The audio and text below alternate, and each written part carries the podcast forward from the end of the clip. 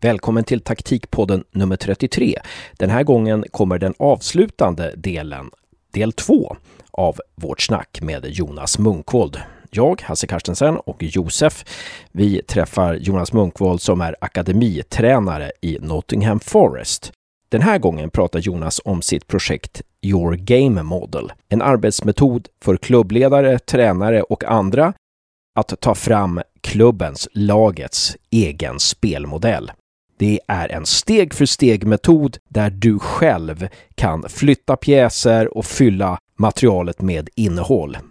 Det är alltså inte en metod som talar om för dig så här ska du göra, utan det är en metod där du själv kan guida dig genom Jonas frågor och rubriker för att hitta fram till dig själv, din egen spelmodell, lagets organisation, klubbens organisation. En otroligt intressant uppfinning. Länken till Your Game Model hittar ni här nere i informationsfältet. Jag rekommenderar er att ta en titt på det. Som vanligt vet ni att ni kan vinna en provprenumeration på Lars Lagerbäcks, Hasse Backes och John Walls uppfinning Game Inside Soccer genom att retweeta vår tweet när den här podden släpps och det är alltså den 3 april. Så retweeta vår tweet från den 3 april så är du med i utlottningen. Förra veckans norska vinnare är meddelad. När det gäller Game Inside Soccer kan jag för övrigt meddela en annan sak att från och med måndag den 6 april så finns det möjlighet att i tio dagar provtesta. Så gå in på gameinsightstocker.com och testa i tio dagar. Gäller från och med måndag. Som vanligt kommer vloggen på söndag och den här gången är det John Wall som är tillbaka med ett klipp. Vi kommer lägga en presentation av klippet på Youtube och sen lägger vi en länk till själva klippet. Klippet kan ni hämta ner från en länk. Ja, då lämnar vi ordet till Jonas Munkvold och närmar oss hans projekt Your Game Model. Trevlig lyssning!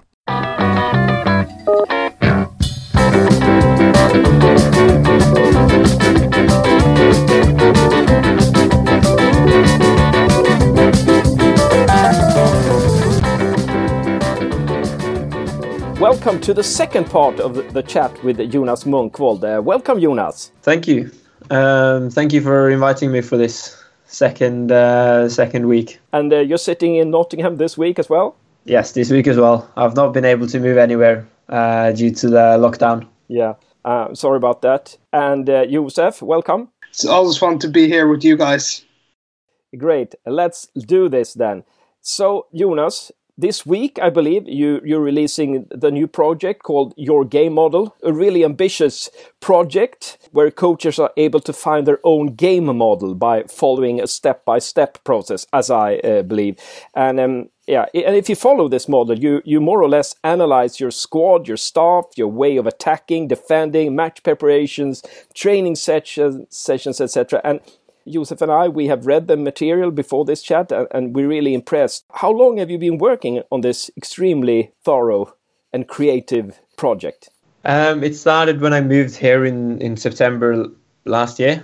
Um, I had a lot of spare time waiting for my uh, my contract to go through at Forest, so I was unemployed for a few weeks, which was really nice. It gave me a lot of time to uh, collect a lot of my thoughts uh, around the game and a lot reflect on a lot of the things that I had done in the last uh, year and a half. So I um, I already had a game model which I started while uh, studying, but what I found was that when making that game model, I had no structure to go after. I had no no real knowledge of what a game model can look like. So I ended up just putting every every single bit of information I could find in there and stealing every tactical pattern of play that I could find of stealing it, putting it in there. Um, finding some video clips, putting it in, re- recreating it into animations and illustrations, and it ended up with almost 400 slides. So I figured when I moved there, that was beyond saving. I, I stole the best parts from myself. I took the best parts, uh, moved into a new document, and started thinking about how to best visualize this for my team, for other coaches and for myself. And I wanted to have as um, as little information in there as possible with as much detail as possible so that the reader doesn't drown in information and drown in slides. Um, and then I, I, thought quite long about how how does one start the game? Where's the starting point of a document like that? The previous one I started with playing out from the back, but that's not really a starting point for a global document like this. So I figured it has to start with some sort of some sense of identity, some sort of who we are or who we want to be.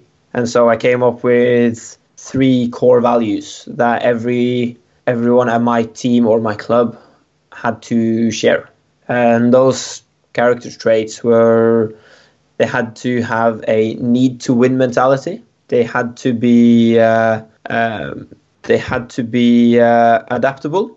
They had to be ball winners. So in every session that we need we do, we encourage these traits through competitions, through our coach behavior, through our session design.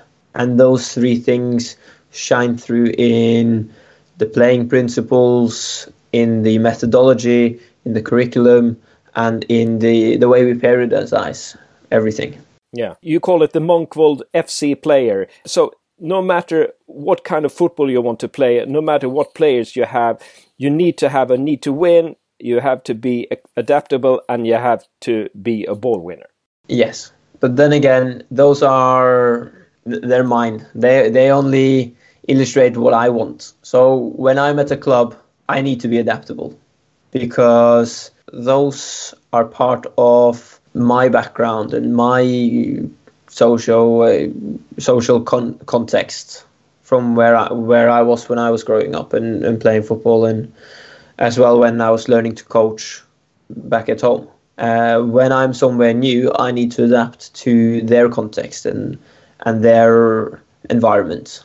So those 400 slides now they were cooked down to 78 pages or something like 78 slides or something like that. Uh, when Josef and I read those this uh, material, we thought, oh, we want to be part of this uh, workshop.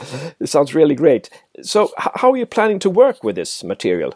We will we will talk you through it uh, later on. But uh, first of all, how how are you planning to work with it?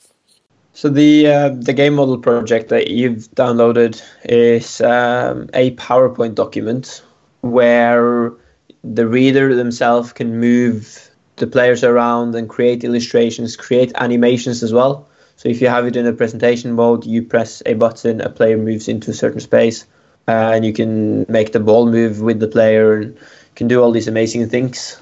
That's why I made the PowerPoint tutorial video as well to help the reader uh, take full advantage of of the documents. Mm. But you could also print the slides and draw for by hand if you'd want to do that.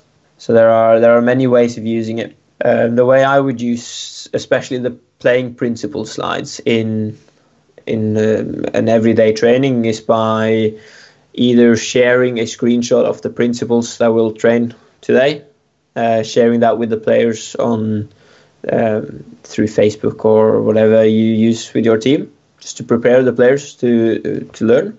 Or I would print the slides and hang them in the change room and say, this week's playing principles are the following. These are the sectorial principles that will be expected of you, and you could put some individual uh, aims there as well. For instance, if you do build up play, then you could focus on your centre backs and your uh, defensive midfielder more so than the striker for that week or that practice. Yeah. One of the key questions for a coach in your material is who do we as a team want to be? Uh, uh that's really interesting. That seems to be an important question, but also a big question. Um, I mean, how do one go about uh, to really come up with a serious answer, an, an answer that really helps you? Because I mean, you, we want to be offensive. Is that a good answer, or what's a good a good answer to that question? A good a good starting point when searching for the answer is thinking about the kind of football that makes you happy. For some people, that's Pep Guardiola's uh, Barcelona. When you have the Xavi, Iniesta, Busquets, Messi, and you have all these wonderful people doing wonderful stuff. Um, you can think of heavy, heavy um, metal football with Jurgen Klopp. You can think of. Um, I, am a bit weird, so I like Diego Simeone, and his, Atletico Madrid is what makes me happy. Um, the first time uh, I watched football, I wasn't live, and it gave me goosebumps. Was Atletico Madrid defending in a very, very deep block, and it was it was something very beautiful about it and the way they were blocking shots and the way they were um, sprinting to press 60 meters up. That's shaped a lot of how I want my teams to look like now. And that's something that's above playing principles, above the tactical. That's about how it feels and how, um, and which sort of emotions are at play. And that's why we have to start with identity before we can develop these uh, tactical, technical, um, and other other parts of the game model.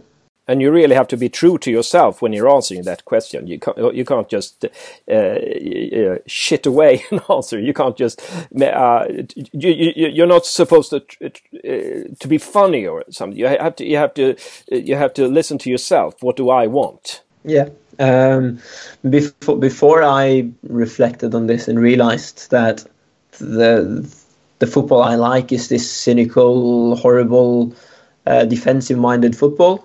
I wanted to play out from the back like Barcelona.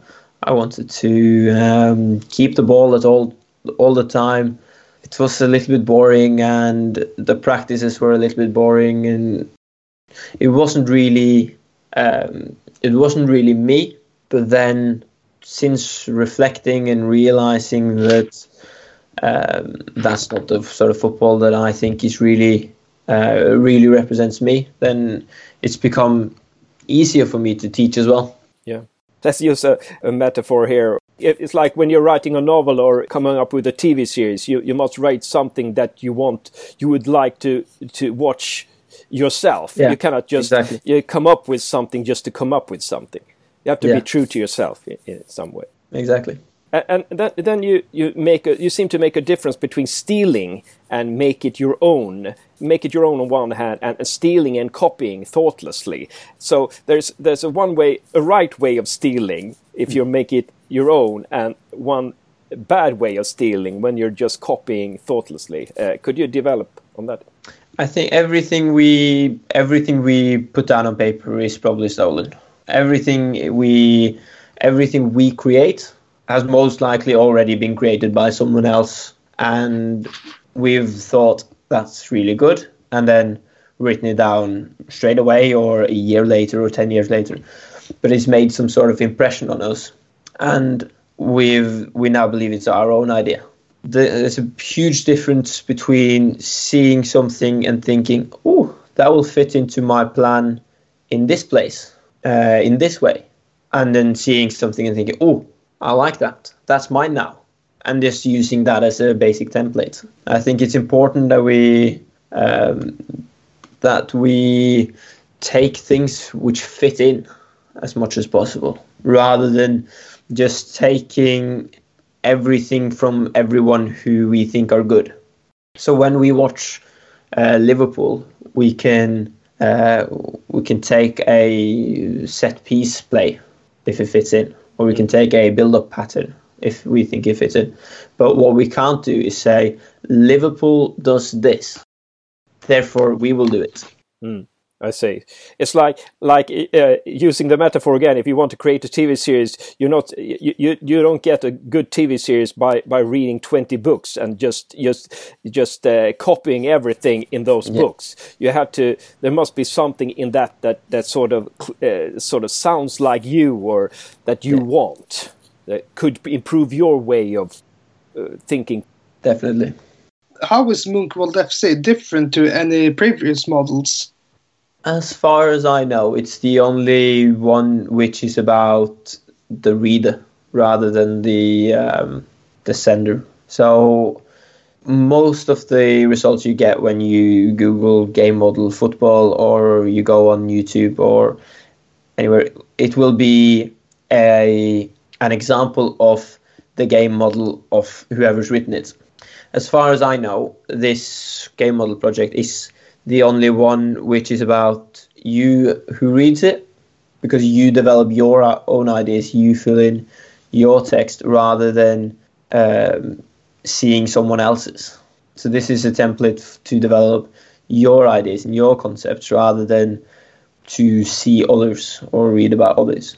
Because we place we place too much emphasis on other people's preferences in in coaching, I think. Um, so we Ray, Raymond Verheijen is probably the best one to speak about this. Um, when he starts about how football is objective first, and then the coach decide the subjective application of of that. Um, if the start, as long as the starting point is objective, then the the art of coaching is how you implement it. But if our starting point is someone else's subjectiveness, then it's just opinion, opinion, and it, it leads to thinking mistakes, thinking errors. So, so instead of writing a book about coaching, this is how you could coach. You've sort of created a, a, a video game here, or you, you you created the walls, a house where we can walk, which we can walk into and sort of uh, guide us, guide ourselves. Yeah. Um, this is a coach's opportunity to develop their own thoughts. It's the absence of everyone else's opinions. You can see the webinars and see how I thought about things, but you have the an open template to do whatever you want with it. Yeah, that's really it's really creative, really creative. Let's move on to in the in the last episode uh, last week we talked about uh, or you talked about uh, chaos uh, and uh, um, and and in this in this model you emphasize on we make chaos with frequent changes and that sounds really interesting and most coaches would fear chaos but you sort of embrace it. Uh, could you develop on that? Most training sessions look really good because they have success and the ball is on the ground and everything is uh, going as planned. However, the game is rarely like that. The game rarely looks that neat and tidy. The game is often chaotic with long balls and uh, bouncy footballs. We lose the ball, we win the ball. Uh, we lose the ball, win the ball. And the best players in the world, they can make sense of this chaos. They can break that chain of uh, chaos and calm things down, and they can they know when the chaos can be benefit beneficial for us. They know when to step away from the chaos and calm things down. And the only way to develop players who understand these things is to make them aware of it through repetition, repetition, repetition. When we play in training, we can reverse the score at halftime to really mess with them. Because if you were 2 1 up before halftime and now you're 2 1 down, you need to adapt. You need to change that uh, mindset.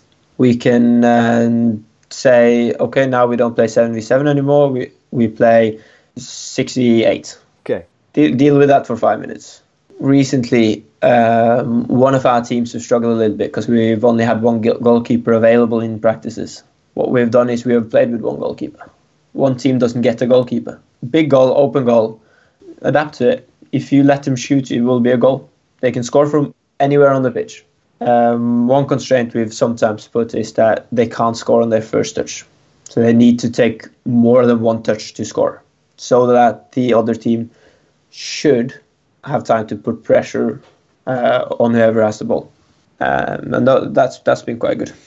I was wondering about that because let's say if, if I would be playing and wouldn't have a goalkeeper uh, and will start letting in a lot of goals, how do you keep the motivation up? Or do you just let let it be a consequence of that they didn't defend? If you defend well, then you don't concede goals. Um, we'd often play, we'd often swap the goalkeeper at half time. So both teams uh, experience playing with the goalkeeper and without the goalkeeper. That way, if one team concedes 15 goals in those 10 minutes and the other team concedes two goals, we know that the problem wasn't the goalkeeper. And we can say that to the players as well. Look, it is possible to defend. The other team just did it. As long as the it's it's a matter of um, of character and mentality. If as long as they do their jobs and adapt to the task, then they will be fine. They will probably not win the game if they don't have a goalkeeper, but they don't have to win. They don't have to lose 15 0 because they know that in the next game we will have the advantage. So it's about uh, being adaptable and just focusing on the task and forgetting those external factors that they can't do anything about anyway. Really interesting, uh, almost uh, groundbreaking. If that would happen in Vålerenga, for example, yeah, it's another culture. How would you present that for the players when the mentality is that you want to keep as many uh, in the game for as long as possible? I don't think it would be. Um, I don't. It would not be successful, even in, even with our elite teams, our academy teams. The mentality would be that, ah, oh, this is unfair. Why us? Why can't Why can't I be in goal? Why can't the coach go in goal? Um, why can't we play with mini goals? Um, and they would, I think, they would struggle to adapt to that task because it's something which seems unfair or um, something really uncomfortable because they have to work really, really hard. And I think with the with grassroots team and lower level teams, that would be the case as well. That it, it's it's a struggle to sort of create the buy-in around it. With the academy teams here, the players all share that mentality that sometimes it's uncomfortable to become really good. Uh, we just have to work harder, and especially the the the best players in the group, the top the top characters, the top players in each academy group, they share that mindset of okay, we we just have to do more, we have to work harder. Uh, so it's it's really really opened my eyes to what is possible and how far the players can should stretch themselves to reach the task and to uh, to do what they should yeah, we have so many things to talk about. We, we cannot talk about everything. We cannot mention everything. Uh, there has to be some things for the for the uh, listeners to to explore themselves. But me and Josef, we were so fascinated uh, yesterday when we you uh, we, we went through this material and uh, you, said that you, you want to inspire coaches to consider the player's point of view when analyzing games or analyzing your own team's principles. As, what's the difference between considering the player's point of view versus having a bird's perspective of the full pitch? When people are asked to imagine a football game or imagine a, a situation, a specific situation happening, they often imagine it from their perspective. So a coach uh, they will often see it from the bench. Um, an analyst will see it from the stands, maybe, or from the TV cameras. The players will see it with chaos going around, chaos going on everywhere around it. And the only way we can create a common understanding here between coach and player and analyst and everyone is through communication, discussing, but also using footage as much as possible, as much as possible, video, um, and illustrations like the PowerPoint slides, because they create a very specific picture. Whereas me talking to you about what happens when the left back gets the ball and the centre mid moves and they press this way, I will see it one way in my head, and I'm pretty sure that you will see it a different way mm. because it's left just up to our own imagination and based on our experiences. But most tactical analysis seems to be uh, using the bird's perspective. Mm. Uh, as you say, the player's point of view is more chaotic. How could one uh, sort of uh, try to adapt to, to the player's point of view more than than we usually do?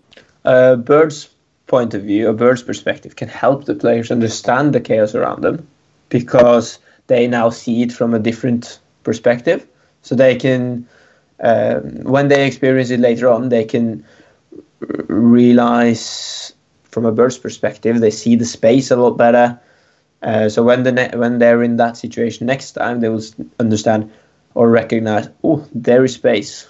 I have space here to my left. and that can help them. But it is also important that what we do here sometimes in our anal- anal- analysis sessions is we ask the players to present some video clips, either of themselves playing or of professional football, because the way they explain actions are quite interesting. Mm. So when our when our uh, striker explains the movement in the box, he will look at different things than an analyst. He will say, okay, so the striker has now looked to the goal, he's looked at the ball, and he's moved a little bit away to drag the defender with him, and he will pick up on those sort of individual details that he knows about because he does it himself. Whereas the analyst would say, or the coach would say, okay, so the ball went to the winger, the win- winger put the ball in the box, striker was in a good position, so he scored. Yeah. It's a different perspective. Making logic, uh, making cha- turning chaos into logic, uh, t- Yeah. saying saying to the players, look, it wasn't as chaotic as you thought.